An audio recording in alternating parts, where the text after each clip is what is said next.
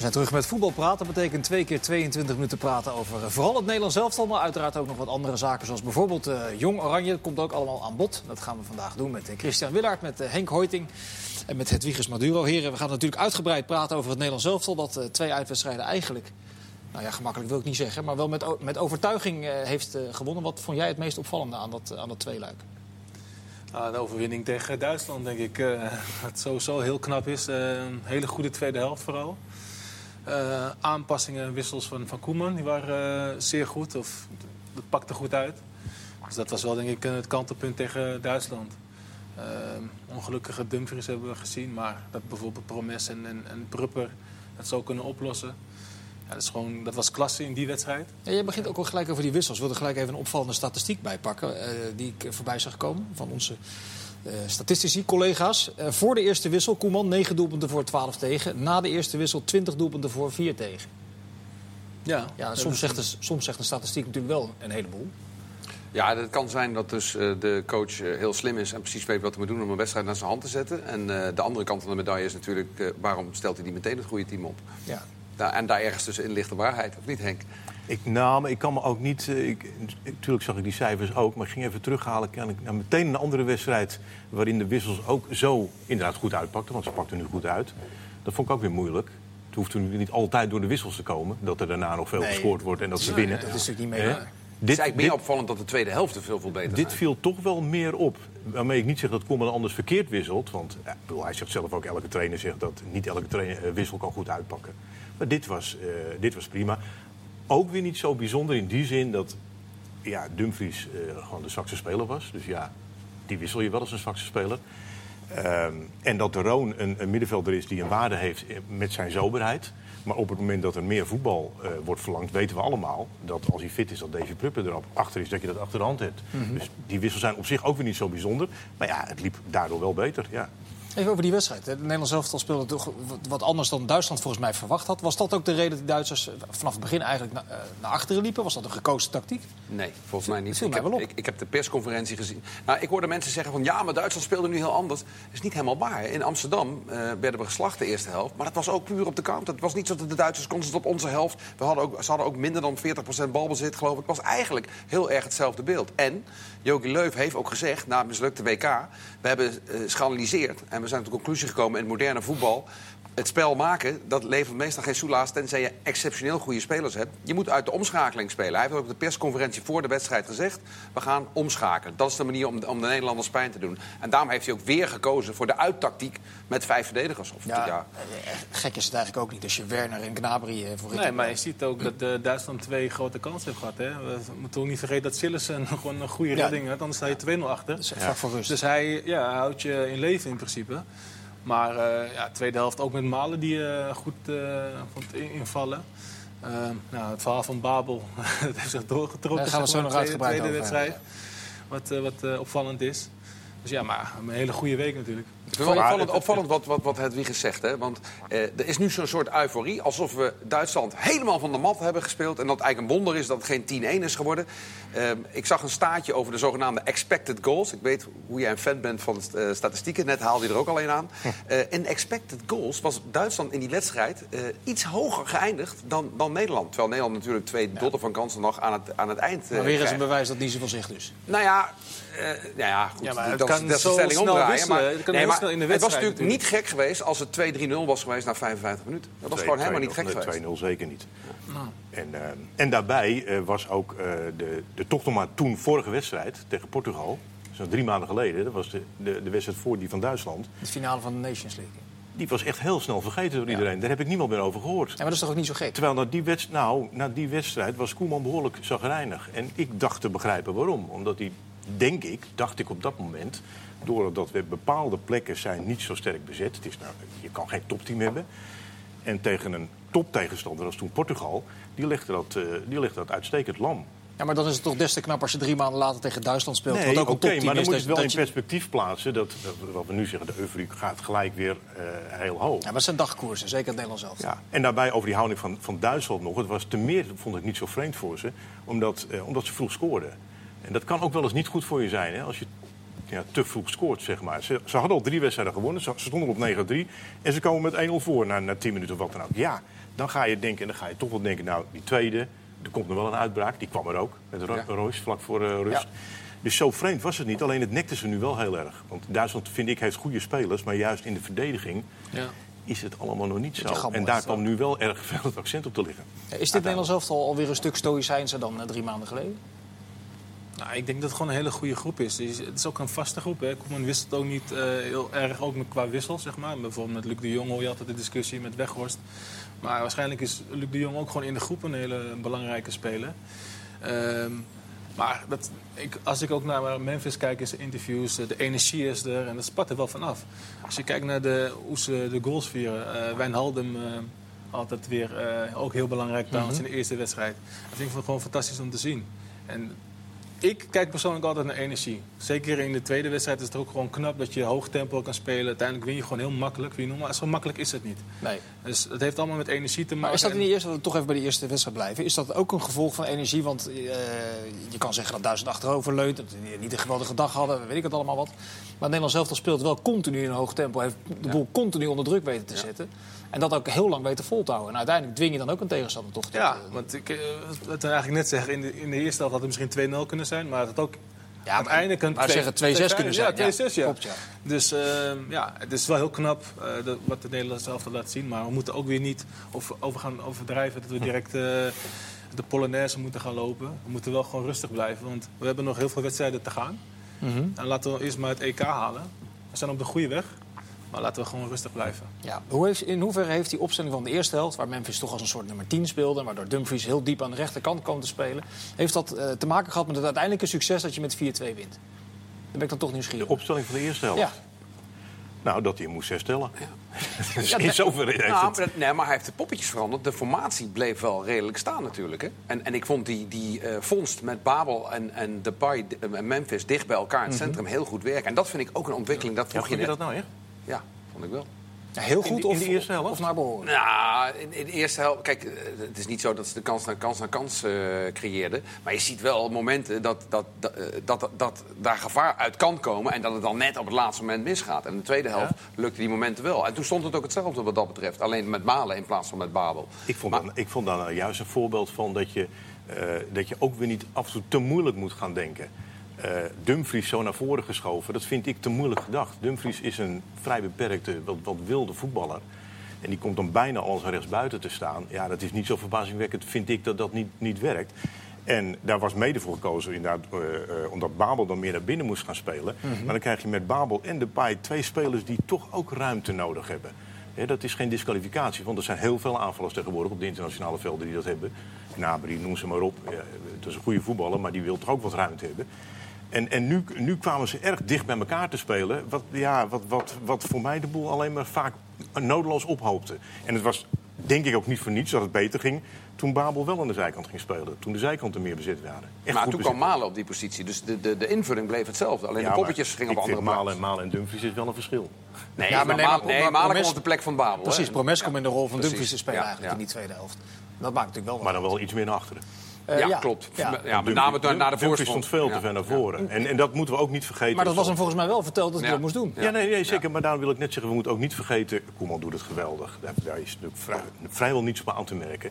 Maar dat de tactiek van de eerste helft ook zijn handtekening droeg. En dan denk ik zeker met deze spelers... omdat je niet op elke positie topbezet bent... hoeft ook niet, kan ook niet...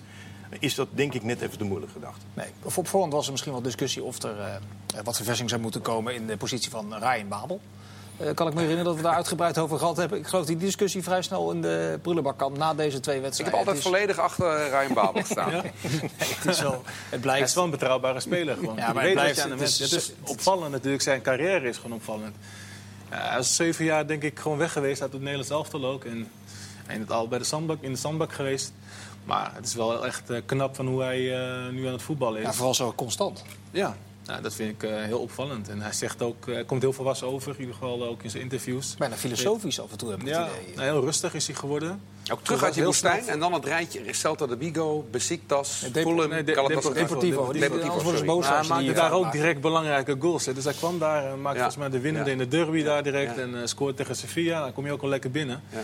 En Besiktas heeft hij het gewoon fantastisch gedaan. Dus, ja. als je een bootje goed onderhoudt, kun je er lang mee varen. Dat zei hij. Vond ik wel mooi. Ja, ik denk sowieso dat hij, uh, nou ja, in deze groep er ontstaan uh, nieuwe verbindenissen, zeg maar. Koeman heeft daar ook iets over gezegd dat de grote spelers zijn er niet meer. Hè? De, de weggevallen jongen Snijder en, en Van Persie en Robben. Daardoor ontstaan er gewoon nieuwe verbanden dat, dat is ook een van de, een van de onder, eh, oorzaken waardoor het nu gewoon lekker loopt. Ze, eh, eh, ja, nieuwe, nieuwe banden onder die, tussen die spelers onderling. Ja, sorry, dat ik heel even onder, sorry dat ik heel even onderbreek, want hij had daar wel een bijzinnetje over, Ryan Babel. Die zei uh, met terugwerkende kracht op het WK van 2010 vonden de grote vier zichzelf misschien iets te belangrijk. en wilden ze allemaal dat is behoorlijk overdreven. De, dat is de grote één worden. Dat is toch een beetje het gevoel van een, van, van inderdaad toen een chronische wisselspeler. Hij speelde mm -hmm. toen helemaal niet.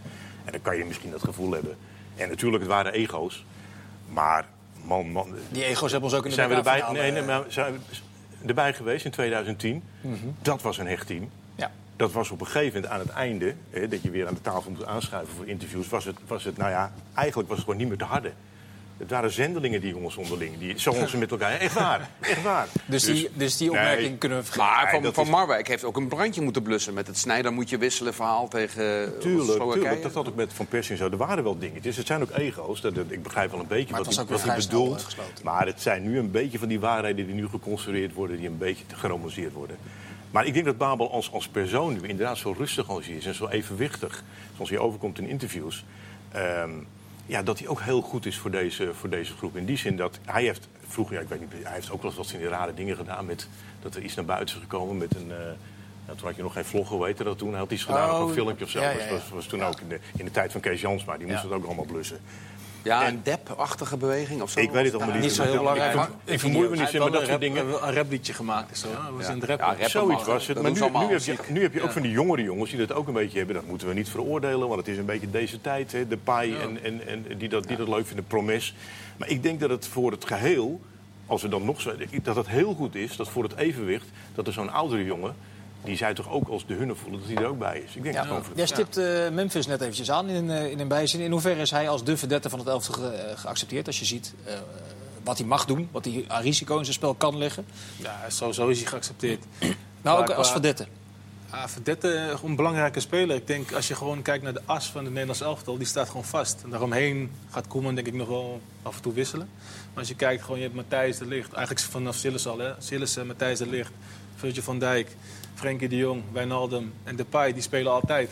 De rest omheen kan je altijd uh, nog een beetje discussie over hebben. Maar de as staat gewoon bij mij. Dus, en ook bij Koeman, denk ik. Dus uh, ja, dat is het belangrijkste in het team. Ja, ik stel ook de vraag, want ik zat de eerste 15, 20 minuten geconcentreerd naar Memphis te kijken. Toen raakte hij de bal nog wel eens kwijt. Ja. Ook op plekken op het veld waarvan je denkt, oh, dat is niet zo heel handig. En dat wordt dan toch vrij gemakkelijk gehouden. Je ziet geen... Maar geen rendement is ja. gewoon heel hoog, toch? Dat, is dat, dat, dat, weten, dat weten ze. Ja, dat weten ze. Dus dan nemen ze dat op de koop toe. Ja, ik denk het wel. Ik denk dat uh, hij, dat zit een beetje in zijn spel. De spelers weten ook, en dan geeft hij twee fantastische uh, voorzetten. Twee fantastische goals.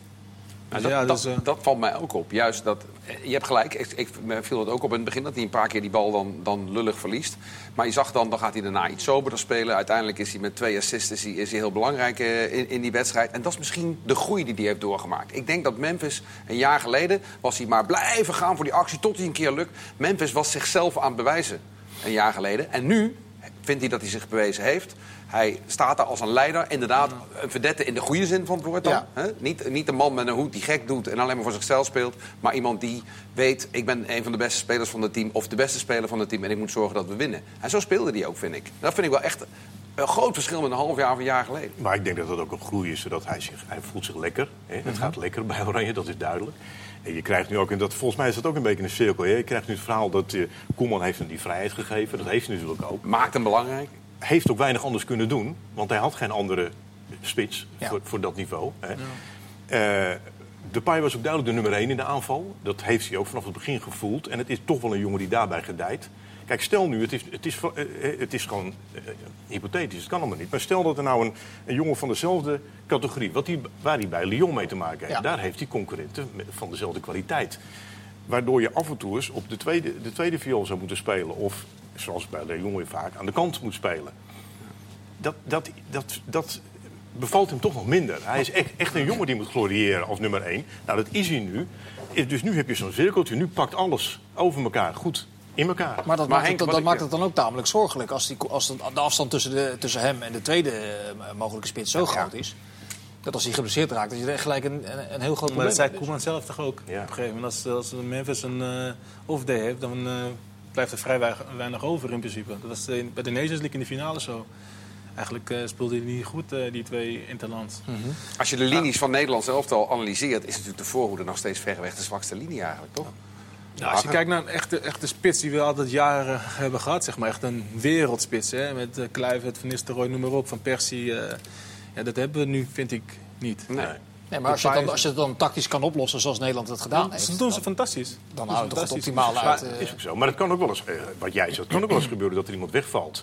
Uh, of niet goed speelt. Of, of nou ja, gewoon of met een blessure of wat dan ook. Ja, ja, je hebt niet een arsenaal wat Frankrijk heeft. Dat is logisch als klein landje. Ja. ja. En, en, daarom vind ik ook altijd, dat bedoel ik net ook met dat van Babel, al die verhalen dat we nu alweer over een generatie en dat we nu alweer, nu moeten we alweer een goede generatie hebben. Dat, vind ik, al, dat begrijp ik nooit zo. Dit, Henk? Dat is oh, een ja, nieuwe wave. wave. Ja. Maar dat begrijp ik niet zo. Het, het, het de wave of zoiets. Is het nou niet genoeg om blij te zijn dat na die donkere jaren die we hebben gehad, dat het gewoon weer een leuk, fris team is met een goede spirit. Coach heeft het goed in de hand. Hè, en we moeten gelijk weer van die vergelijking gaan trekken. Dit moet ook weer een hele goede generatie zijn. Nou ja, ik denk dat we nu al een paar puntjes aanstippen die uh, duidelijk maken dat dat nog niet helemaal ja. het geval is. Nou ja, en ook niet kan in mijn ogen. Als je daar eventjes uh, in de euforie op voortborduurt, hoe, hoe verhoudt Nederland zelf zich nu ten opzichte van de andere erkende toplanden? Engeland, Italië, Frankrijk, Spanje. Uh, Kunnen we van winnen, denk ik. Ja, precies. Zoals je zegt het precies. We kunnen ervan winnen. Dus de kijkersvraag, kan dit Nederlands zelf het EK winnen van Thijs Holdijk is niet eens zo'n hele gekke. Ja, maar tuurlijk, dat konden we al die jaren al, vind ik. Ja? Ja, tuurlijk. We hebben toch al een paar keer ook in de finale gestaan. Als je kijkt van de WK-finale. Ja, maar drie jaar geleden waren we er niet. Uh, ja? Nee, oké, okay, dus nee, dat heeft maar... een, fa een, fase gehad. Maar als je kijkt naar de selectie, ja. uh, dat maakt helemaal niet uit. Het, het is uh, Portugal, vind ik Europees kampioen. Dat kan ook niet de beste selectie hebben. Nee, je stond 1-1 tegen Litouwen de laatste keer dat ik keek nu. Ja, maar toch Europees kampioen. Dus ja, weet je, het heeft, het heeft met, ook met andere dingen, ook een beetje met geluk te maken. Je moet groeien in het toernooi. Ja, daar uh, zijn we niet zo goed in op, op toernooien dan. Nee, maar het is nog maar 19 ja. maanden geleden dat het misère troef was. En, en ja, dus we moeten ook we moeten rustig blijven, vind ik. Rustig. Kijk, we hebben, doen, zijn hartstikke goed bezig. Dat is, dat is een feit. Maar we moeten gewoon door blijven groeien. Ja, maar daarom moet je ook niet dat, ja, ja, het kan, het kan. Maar op dit moment zou ik toch uh, Spanje en Frankrijk nog hoger aanslaan dan Nederland.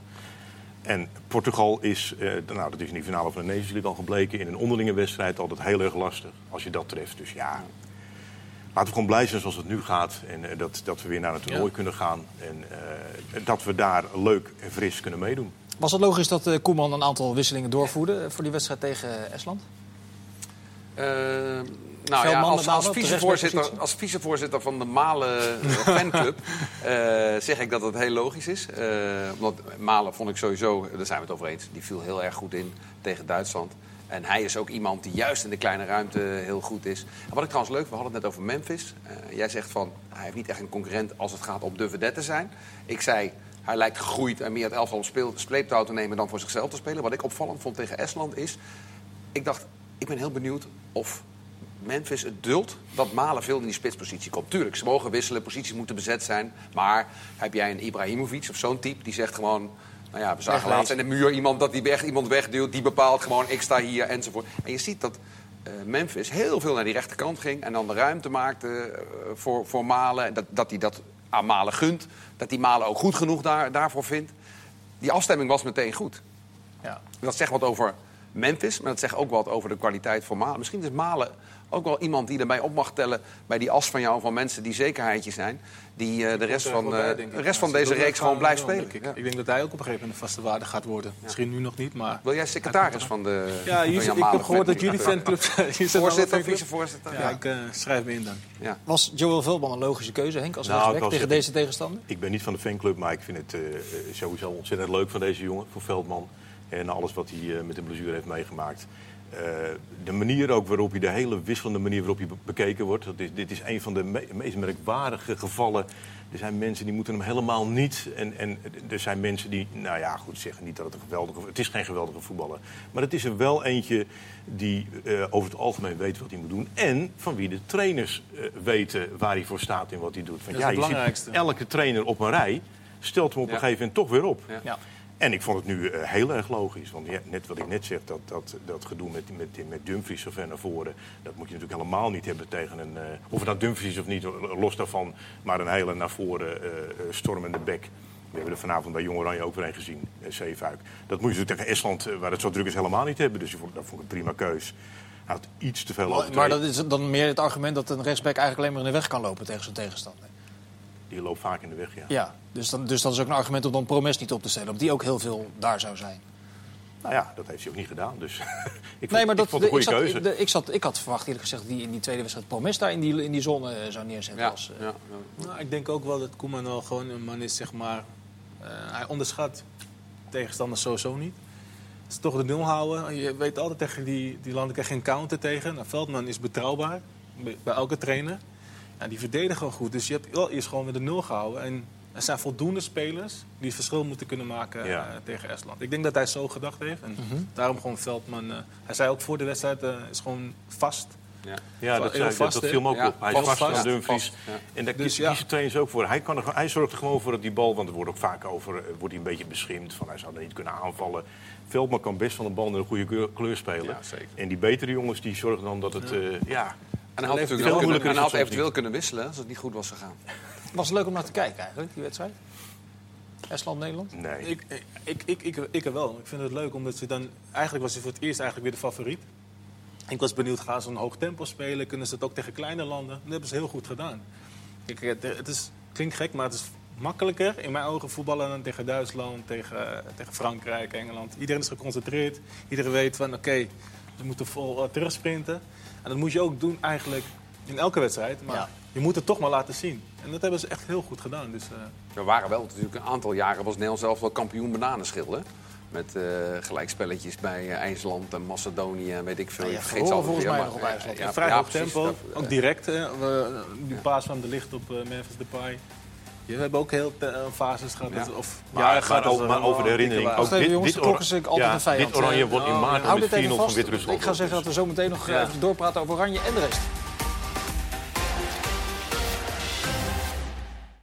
Tweede helft, zometeen praten we over onder andere Jong Oranje. Er zijn nog een paar dingen blijven liggen van het grote Nederlands elftal. Bijvoorbeeld de rol van Dedy Blind. Was dat nou de unsung hero van de afgelopen twee uh, wedstrijden? Het, is over Babel gegaan, over Memphis gegaan. Hoe vonden jullie Dedy Blind als linksback?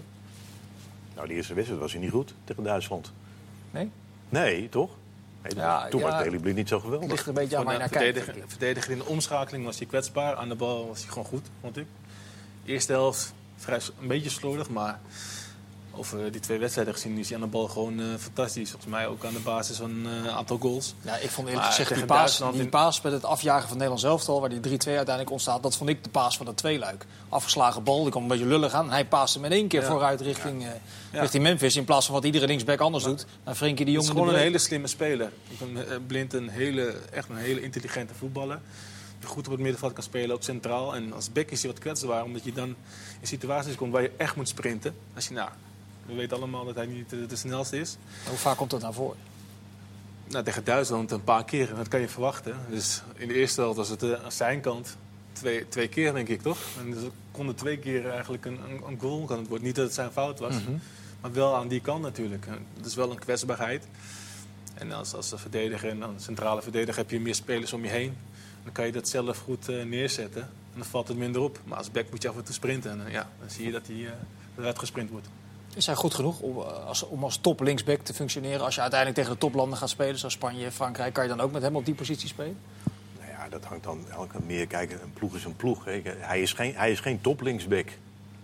Als je praat over topniveau, is hij geen top linksback. Wel, wel aan de bal, toch? Ja, maar goed, een linksback heeft andere dingen nodig. Dus als je het hebt over top linksback, daar kan hij niet aan, aan uh, beantwoorden aan de karakteristieken die daarvoor moeten gelden. Maar ja, het is met hem, eh, wat, wat Dick net ook zegt, hoe lang zeggen we dat al niet? We weten het allemaal. Command weet dat ook wel. Hij zelf weet ook wel dat hij geen puurzangverdediger is. Alleen, het is heel goed voorstelbaar in deze ploeg, nogmaals, waar hij niet alles al helemaal top is en kan zijn. En hij natuurlijk wel veel ervaring heeft, inzicht, intelligente voetballer. Ja, dat je, dat je hem opstelt en dat je die bepaalde dingen die er af en toe wel eens aan schorten, dat je die meeneemt. Dat je die zoveel mogelijk met ploeg als geheel probeert te compenseren. Nou, wat, wat, hij natuurlijk ook heeft, en dat, ja, net schets je het eigenlijk al. Hij is gewoon een van de beste pasers van Europa. Als je daar puur naar kijkt, hoe, hoe, weinig spelers zijn er die over 20, 30 meter hard over de grond een speler aanspelen met rechts en links en ja, tegenstander. Zijn dat zijn er maar heel weinig die dat zo goed kunnen als hij. En natuurlijk, precies wat jij zegt, hij zal nooit in het wereldelftal als linksback gekozen worden. Maar we hebben geen super linksback, we hebben wel goede middenvelders. En als we hem daar neerzetten, hebben we wel die passing. En hij houdt zich ook redelijk overeind verdedigend. Ik denk dat dat de conclusie moet zijn. Nou, heeft dat, het, zien vooral, hè, met Het zien vooral vind ik belangrijk bij hem. Want heel veel spelers kunnen wel, hebben wel een goede trap. Maar zien het, wat jij zegt, die paas, dat moet je van tevoren al gezien hebben. En dan kan hij het ook nog uitvoeren. Ook die assist op, op Babel, die legt hij ook daar bewust. Weet je? En dat moet je ook van tevoren zien en, en daar uh, kunnen neerleggen. Dus... Ik, ik, vraag me wel eens af hoe zo'n technisch directeur van Manchester United nou naar zo'n blind zit te kijken tegen Duitsland. Die hebben hem natuurlijk min of meer afgeserveerd daar. Kopen vervolgens twee slopers van 80 miljoen per stuk. En die zien, hem, en die zien dan iemand voetballen op die plek. Ja. ja. vooral in de Champions League. Dat is ongelooflijk. heeft hij het ook gewoon fantastisch gedaan. Ja. En ook tegen uh, Madrid en, uh, en Juve. Dus ja, dat is dat wat anders dan als back. Ik vind Blind is centraal gezien, vind ik hem nog beter dan als linksback. Ja. Tot slot nog even over Estland. We hadden het al eventjes over het plezier van kijken. Als een wedstrijd uh, eigenlijk maar één ploeg uh, heeft die graag wil voetballen en de andere doet niet zoveel. Is dat, maakt het dan automatisch eigenlijk niet zo leuk om naar te kijken? Ja, zo, dat, dat overviel me, mij eerlijk gezegd wel een beetje. Ja, het virus vond het wel. Ja, ik, vind, ik, ik doe mijn trainerscursus, hè, daarom. Dus ik kijk meer als een, als een trainer ja, nee, dit, dit, zijn, die, dit zijn wisselen die moet je ook niet zo gaan bekijken. Die moet je gewoon voor kennisgeving aannemen en het resultaat meenemen. Dat moet goed zijn. Nou, dat is prima niks op aan te merken. En uh, over tot de orde van de dag. Ja, meer kan het volgens mij niet zijn. Nee, ik, Het is wel aardig om af en toe dan te denken van... Hè, als dan uh, nou, 20 minuten lang nauwelijks een kans gecreëerd wordt... nou, dat hebben we niet gehad volgens mij. Maar wel dat het 20 minuten lang best stroperig en moeizaam ging... dat je denkt van, wat zou ze nou anders kunnen doen? Hè, hoe zou je nou uh, op een andere manier kunnen doen? Wat, wat, wat, wat, wat foef kun je, kun je uithalen om die, die, Esten, die, Esten, die, die Esten in de war te brengen. En dan denk je bij jezelf, ja, het is niet zo makkelijk. Eigenlijk doen ze wel de goede dingen. Maar ja, ze moeten gewoon een keer lukken. En je moet ook een beetje... En dat is natuurlijk ook altijd het verhaal. Tweede helft worden ze moe en dan vallen de gaten. En als de ene goal gevallen is, enzovoort, enzovoort. Ja, zo ja, gaan dit soort wedstrijden altijd Ik vond juist dat het... Dat vond ik het hele positieve aan die wedstrijd. Dat het eigenlijk helemaal niet stroperig werd. Dat ze wel geconcentreerd bleven voetballen in een heel hoog tempo. Tenminste, zo hoog als mogelijk. Ja, wel, ja, wel redelijk geconcentreerd. Geconcentreerd genoeg. Maar ze kwamen niet echt. Je zag in de eerste helft toch de paai zich weer gaan verslikken in wat dingen als je toen niet echt ging zoeken. En heel veel kansen hebben ze in de eerste helft ook niet gehad. Hoor. Het is veel schoten uit de tweede lijn. Het is niet dat ze heel veel kansen misten waardoor het ja. nog maar 1-0 stond. Ja. Maar vanavond gezien vond ik het wel uh, top in de concentratie. Ja, ja. wel echt uh, dat ze daarop hebben gehamerd. In de restverdediging goed neerzetten. Want dat was gewoon uh, heel goed. Nou, dan heb je gelijk een mooi bruggetje gemaakt naar het volgende onderwerp. Want we gaan maar eens over Jong Oranje hebben. Die speelde vandaag tegen uh, Jong Cyprus. En voor de mensen die dat niet gezien hebben, dat werd een hele eenvoudige 5-1 overwinning. Maar kwam er wel met 1-0 achter door een, ja, echt een, een pupillenfout van Hoogman. Beschrijf even wat er, wat er gebeurde bij die tegengoal. Het is eigenlijk een beetje een kettingreactie. Hè? Ik vind, wat ik net al zei, de restverdediging, dat was niet goed bij Jong Oranje. Daar begint het eigenlijk. Ik vind dat Koopmeiners of Reis direct kort had moeten zitten. Nou, het gebeurde niet, lange bal. Ja, de spits tegen, tegen uh, Hoogma. En Schuurs er nog bij. En Schuurs er nog bij. Bal stuit het uh, half in het duel en de spits kan scoren. Dat was dan het doelpunt. Maar ja, alles ging fout eigenlijk. Dus het begint eigenlijk, vind ik, niet druk op de bal. Weet je, geen afvallende bal heb je. De tweede bal heb je dus niet. hoge bal niet laten stuiteren. Gewoon wegkoppen. Ehm, Schuurs moet meelopen, maar die dacht weer van hij lost het wel op. Dus eigenlijk fout achter, achter elkaar. Ja. Dus, uh, ja, dus Hoogma, voor mij ook Hoogma probeert die bal terug te koppen. Maar, ja. maar hij gokt, want hij weet als, als dat niet lukt, dan is die spits weg. Terwijl als hij, hij was voor de spits, als hij gewoon meeloopt, is er eigenlijk niks aan de hand. Dan moet die spits eerst hem nog gaan uitspelen nou ja, dan, dan is de kans op een goal natuurlijk heel klein. Dus het, ik vond het een soort casino verdedigen. We gingen er, uh, we gingen er eens goed voor zitten voor die wedstrijd van uh, Jong Oranje. De laatste wedstrijd van vorig jaar was een oefenwedstrijd tegen uh, Mexico. Tegen jong, de Olympische selectie van Mexico. Speelde Jong Oranje uitstekend. Met Malen in de spits. Met Kluivert vanaf de linkerkant. En toen is er een fraaie documentaire reeks in gang gezet. Die kunt u trouwens zien bij Fox Sports. Achter, achter de deuren bij Jong Oranje. Kijk je in de kleedkamer. En toen moest ik eerlijk gezegd wel even aan denken toen ik Van der Looy zag zitten. Op die, op, die heeft een heel plan gemaakt. Die wil eh, druk zetten als Liverpool. En dan heb je met Malen en Kluivert twee ideale eh, spelers voor. En nu zat hij met Sierhuis en Lang. Dat is natuurlijk altijd het lot van een jonge Oranje. Ja. ik denk dat het het moeilijkste elftal is uh, bij de KNVB. Want je kan niet bouwen aan een team. Maar elke maand heb je een ander team. En je wilt het wel graag. Je, je wilt het graag, je wilt kwalificeren natuurlijk. Want dat is wat mensen ook vragen. Je, je wilt het EK toe. Maar elke maand uh, zijn er wel spelers die naar het Nederlands elftal gaan. We, we, praten nu al eigenlijk over wanneer gaat Stengs nou weer over en uh, kan hij het aan. Nou, Dat weet je dus niet. Koopmijners, die fantastisch is, speelde vandaag. Ja, dus is, dat is, een, is moeilijk. Ja, is een gekke vraag misschien. Maar is een plan hebben bij Jong Oranje dan eigenlijk niet overbodig? Moet je niet gewoon de elf beste in die leeftijdscategorie die in vorm zijn opstellen en dan... Ja. Maar je kunt niet iedere, iedere, iedere Nee, ik, zeg, je... ik, chargeer even. Nee, maar iedere keer als je selectie bij elkaar roept... en je gaat dan kijken, oké, wat heb ik voor spelers... wat voor speelwijze zal ik hierbij bedenken... dan heb je twee, drie dagen om die in te slijpen. Ja, dan is het toch maar beter om te gokken op een speelwijze waarvan je zegt van die kunnen we een jaar lang uh, handhaven. Al moeten we af en toe andere spelers inpassen. En ik weet ook, uh, Van der Looy zei ook uh, rond het interview van tegen Jong Cyprus ja, kunnen we wel met Sierhuis in die rol spelen. Misschien als we straks tegen Jong Portugal spelen, moeten we iets anders verzinnen. Ja. Dat, dat, dat, moeten ze gaan bekijken. En dan kunnen ze of het systeem iets aanpassen en Sierhuis hand, handhaven... of kiezen voor een Redan of iemand anders in de spits. Ja, daar, daar zullen ze plan B op moeten zitten. Ja. Zijn er nog zaken die jij, je hebt ook uitgebreid zitten kijken... zijn er nog zaken die jou zijn opgevallen? Jong Oranje, Jong Cyprus? Nou, ik heb, ik heb wel met uh, wat vooral aandacht naar, de, naar Stenk zitten kijken. Die was niet zo goed, hè? Die was niet zo goed, nee. Die werd gewisseld. Maar die was vooral, vond ik, ook nonchalant en laconiek. Dus ja, uh, uh, ja, Koeman kan het altijd wel mooi subtiel zeggen. Die werd laatst natuurlijk, de naam wordt alweer genoemd. Malen werd erbij gehaald. En hij zei echt van, uh, Malen is de enige buiten de vaste groep die het verdient mhm. op dit moment. Vind ik altijd wel mooi, raak en streng dat hij dat zegt. Maar ja, vanavond staat dus een assistent op de tribune van Wonderen en Lodewegers. Ja, ik denk niet dat voorlopig de gedachte in Zeist uh, is veranderd uh, ten aanzien van deze jongen. Nee. En dat bedoel ik ook, we moeten, we moeten ook niet, we moeten, ja, nogmaals, we moeten niet overdrijven. Dit is een aardige voetballer. Maar uh, Koopmeiners, zijn, zijn clubgenoot van AZ, ja, die viel behoorlijk meer op. Dat doet hij al een tijdje, Koopmeiners. Ja, hij is een, ook een betrouwbare speler. Fantastische traptechniek. Vandaag liet dit helemaal zien. drie of vier pases echt van kwaliteit. Aantal goede goals ook daar, eh, daardoor. Maar ik vind hem eh, een hele goede speler. Ja, hoe ver zit hij af van het niveau Prupper de Jong? Of uh, de, de Jong schilder. Ja, kijk, weet je, dus je, hebt ook, Stroot, je hebt ook gewoon Strootman, hè? Je hebt ja. ook gewoon Strootman zit er altijd bij. En je kan hem nu een beetje vergelijken met, met Strootman, vind ik. Ja, maar is dat dan niet logisch zo? Want Strootman heeft het al een tijdje... Ja, dat laten zien in zelf dat Koopmeiners uiteindelijk de plek van Strootman in ieder geval in de breedte van het die Het is ook weer dat uh, Koopmeiners voor het eerst op het middenveld speelt. Hij vorig seizoen heel veel in de verdediging. Dit seizoen dan op het middenveld, ook uh, bij AZ. En dat doet hij gewoon goed. En ik denk, hij heeft alle tijd in principe. Uh, genoeg wedstrijden. En Koeman houdt hem zeker in de gaten. Ik was, ik was gisteren bij Jong Oranje in het trainingskamp. Dat was wel heel interessant. Mm. ik zei tegen hem van...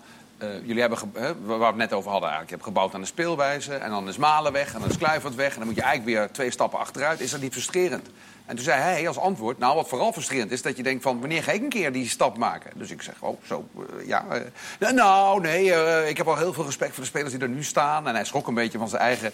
Maar ja, de eerste reactie is natuurlijk vaak een inkijken in wat mensen echt voelen. Dat, dat heb je ook natuurlijk. En die ambitie vind ik ook mooi. Bij Jong Oranje, want als je dan afvalt bij het Nederlands elftal... dan kom je weer bij Jong Oranje terecht. Dus sommige spelers zijn gewoon Heb je ook wel eens gehad, volgens mij? Nou, nee, dat is wel een beetje zo. Want je, je, je hoopt op het Nederlands elftal dan val je daar af en dan moet je met Jong Oranje mee. En dan kom je toch een beetje teleurgesteld. Voelt als moeten. Ja, teleurgesteld binnen. Ja. en daar zit je natuurlijk ook niet op te wachten als coach De vraag was, voelt het als moeten? Als je terug teruggaat in je... Nee, ik kon het accepteren, want we hadden gewoon een wereldploeg. Uh, dus voor mij was het heel makkelijk. Ik had uh, Cocu van Bommel voor me, dus ik dacht, nou, Jong Oranje, oké, het is normaal, weet je. Maar voor andere jongens voelt het misschien iets anders zo. Omdat heel veel generatiegenoten, die zitten daar al. Van Looy heeft het ook wel eens gezegd, hè, dat in de vorige cyclus af en toe jongens dan terugkwamen. En die, die liepen dan met een air van: ik ben eigenlijk te goed voor dit team. En dat deed, de groepsdynamiek deed dat geen goed. Wat ik heel opvallend vind, in België hebben ze gezegd: als je ooit geselecteerd bent voor het grote België, kom je niet meer in aanmerking voor jong België. Punt. Om, om daarvan af te zijn. Natuurlijk heel rigoureus, maar. Ja, maar Zal het een goede maatregel zijn? ik weet het niet, want als je kijkt naar de afgelopen cyclus van jongeren... zijn er elf, spelers doorgegaan naar uh, het Nederlands elftal. Hè? Frenkie de Jong heeft ook nog meegedaan. Ja, ja, ja, elf. hè? En dan moet je aan Guus Til denken, Ramselaar zelfs nog... Uh, Bergwijn, Kluivert, uh, nou, noem maar op. Want ze waren er elf, hè? Dus ja, dat zijn er wel heel veel. En die kan je natuurlijk wel goed gebruiken bij Jong Oranje dan. Ja. Dus dat is wel moeilijk. Ja. Nee, ik wil zeggen, voor Koopmeiners geldt natuurlijk nog niet. Die is niet teruggevallen, die moet nog omhoog. En, uh, denk jij, gaat hij dat, dat aantikken, dat niveau? Gaat hij dat halen? Ja, het is, het is altijd moeilijk in te schalen. Want hij speelt voorlopig toch nog op een iets minder niveau bij AZ... dan die andere jongens waar je mee moet vergelijken. Dat is mhm. voor Koeman denk ik ook de moeilijkheid. Maar ik kan me wel goed voorstellen dat Koeman na verloop van tijd gaat nadenken... als je nou gaat denken naar het EK toe... Hè, en ook het, uh, al die weken die je dan mee moet zijn met een ploeg En je hebt nu bijvoorbeeld nog Strootman, hè, die daar nu nou, een bepaalde status nog, een bepaalde ervaring. Maar ja, die mocht, die mocht dan invallen hè, om ook nog even te spelen tegen Estland. Ja, dat, dat, dat is natuurlijk geen wisselbeurt voor, een jonge jongen van je kan zeggen: ik hou iedereen tevreden. Mhm. Daar kan zo'n jongen niet echt tevreden mee zijn. Dus je kunt je gaan afvragen, ook als coach, van het is maar net van hoeveel belang de ervaring van Strootman. Dat kunnen wij niet beoordelen. Nee. Op het trainingsveld, hij in een groep is. in de kleedkamer Ja. nog is. Ja, ja. Als dat wat afneemt, en ja, over het algemeen is het natuurlijk wel zo dat een speler. Hij was nog niet zo gek lang geleden aanvoerder. zit ik te een- bedenken. ja, maar oh, een speler die niet speelt, daar, daar neemt het over het algemeen wel snel van af. Heel snel. Ook in, in een groep. En dan is het voorstelbaar, denk ik, dat hangt ook van de ontwikkeling van Koopmeiners verder dit seizoen af, dat, dat een trainer gaat denken, ja, voor zo'n toernooi, met al die partijspellen die hij dan op de training ook moet spelen, met, met gretige jongens erachter. Ja, dan, dan zou hij wel. Kijk, hij heeft natuurlijk de, de enorme pech. En hij is ook wel van een minder niveau voorlopig. Maar dat Frenkie de Jong daar staat. En dat David Prupper als sierlijke speler ook nog wel een eh, streepje voor heeft. Het is niet niks daar. Maar hij, eh, hij doet het echt. En inderdaad, hij heeft in de verdediging gespeeld bij AZ. Nu weer gewoon op het middenveld. Net zo makkelijk. Ja, ik vind het een. eh, Interessante speler, zeg ja, en ik vind, dat, nou, ik vind het ook mooi om te zien. Zoals wedstrijd als vanavond. Dan denk ik, ja jongen, jij speelt ergens voor. Dat zie ik. Ja. Dat vind ik mooi om te zien. En zo'n Stenks, groot talent. Beetje flyer. Ja. Nou, staat genoteerd. Koopmijnen misschien volgende periode wel, oktober. We gaan het zien. Nou, nee, nee. Een toernooi. Oké, we we nemen Voor- wat langer- we Hij heeft langer- nog de tijd. We nemen wat langer tijd. Een paar andere zaken die we nog moeten eh, bespreken. Opvallend bericht vond ik. Giovanni van Bronckhorst, eh, kampioen geworden met Feyenoord. Daarna eh, volgens mij ook nog heel behoorlijke prestaties afgeleverd. Gezien de prijzenkast die aardig gevuld werd in eh, Rotterdam-Zuid. Die heeft een contract getekend bij de City Football Group. Ehm, hij gaat daar in ieder geval uitgebreid stage lopen. De City Football Group, dus het uithangbord is natuurlijk Manchester City. Die hebben filialen inmiddels over de hele wereld.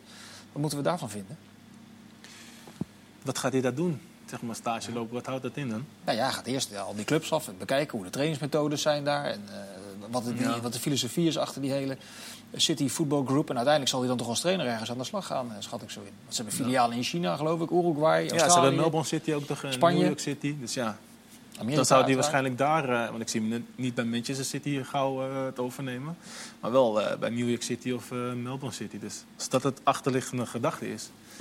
Wat dat weten wij natuurlijk wat- niet. Wat ik niet snap is, zien ze hem als een typische City-trainer die ingepast gaat worden? Nou, dat of zien ze hem dan- als een dat trainer die je daartoe zou kunnen opleiden? Nou, dat antwoord is ja, want ze hebben daar een vrij heldere profielschets. Dat een oud international, eh, voorkomend zijn, representatief zijn, eh, galant. Dat, dat kun je, dat, die blauw Ja. kun je op al die trainers ongeveer wel leggen. Ja. En Guardiola natuurlijk als manier. Maar nu wat je op het trainingsveld doet, Ja. dat, dat hebben we dan nog vergeten. En Nee, dat maar- is volgens mij, ja, Misschien willen ze dat van twee kanten bekijken.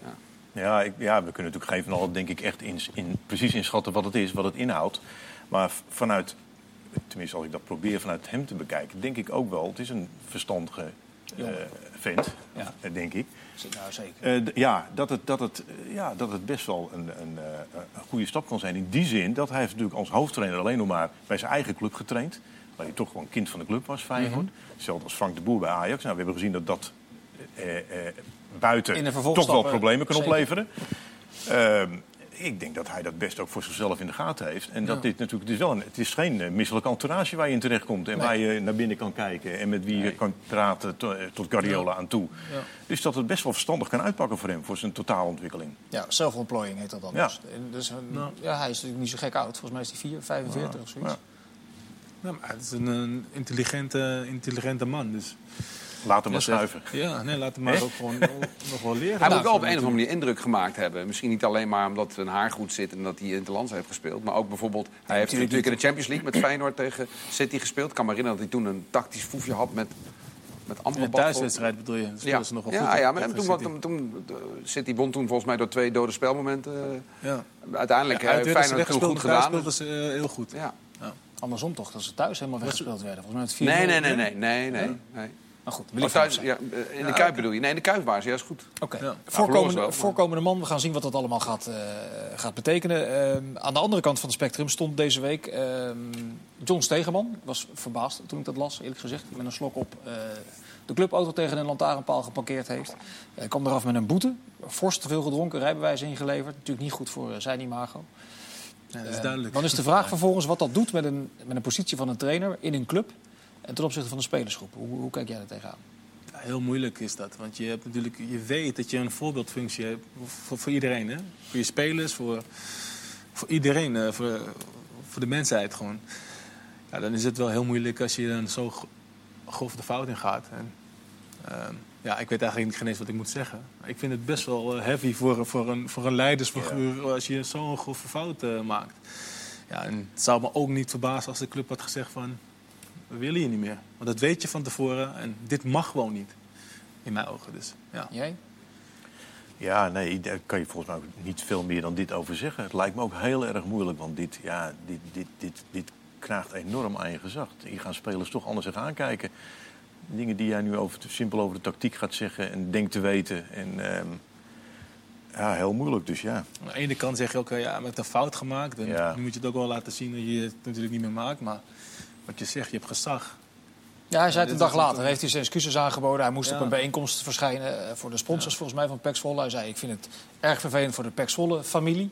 Eh, waar hij graag deel van uitmaakt. Vond ik opvallend. Een maand of twee eh, na een overstap van de aardsrivaal. Hoe kijk jij daar tegenaan? Nou ja, ja, als je, als je, kijk, zo iemand zit natuurlijk midden in die emotie en die krijgt alles over zich heen. En dan gaat zo'n man zo'n speech houden en dan wordt dat heel snel wordt dat iets te melodramatisch. En als je daar dan op je telefoontje naar zit te kijken met Jong Oranje op de achtergrond, dan denk je, wat, wat is die aan het doen in godsnaam? Maar volgens mij is dat gewoon goed bedoeld. Ik vind het wel moeilijk. Want in principe is dit natuurlijk ja, een privézaak. Hè? Mensen maken fouten privé. En uh, als je bekend bent, dan kan ja. dat eens een keer in de krant komen. En je moet je afvragen waarom dat eigenlijk nodig is om alles wat mensen privé die bekend zijn uh, fout doen in de krant te, te zetten. Uh, wat ik wel een punt vind, wat Henk net zegt.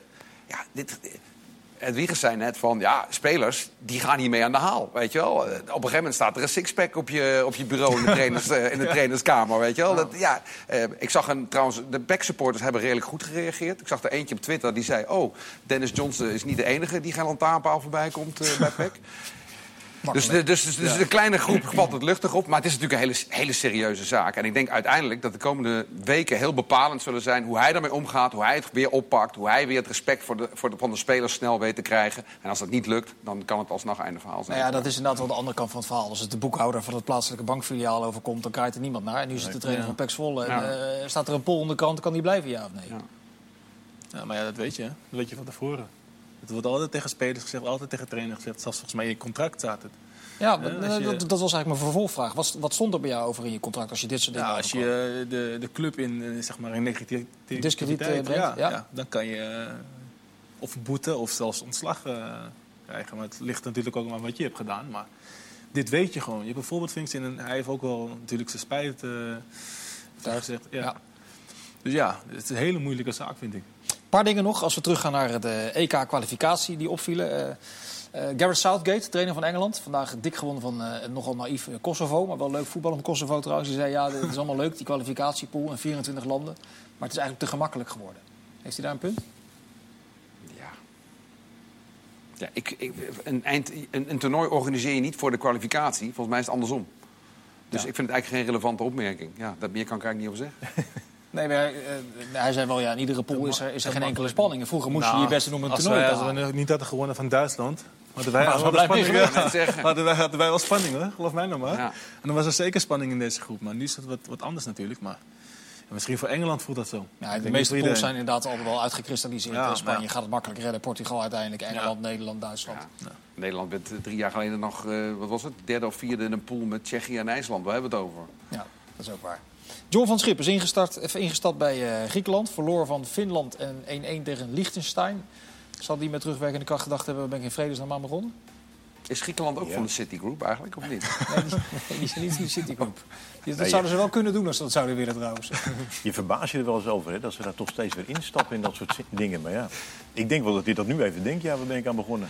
Nou ja, ik vond het opmerkelijk. Hij schijnt met VVV gesproken te hebben, met Rode JC gesproken te hebben. En dan uiteindelijk toch maar ze stonden er al heel slecht voor, toch, toen hij instapte? Ja, ja zeker. Dus ja, ik, ik, kan me niet voorstellen dat hij in is gestapt van uh, we gaan het nog redden. Dus waarschijnlijk kijken ze nu alweer van oké, deze wedstrijden zijn voorbij, het EK gaan we niet halen.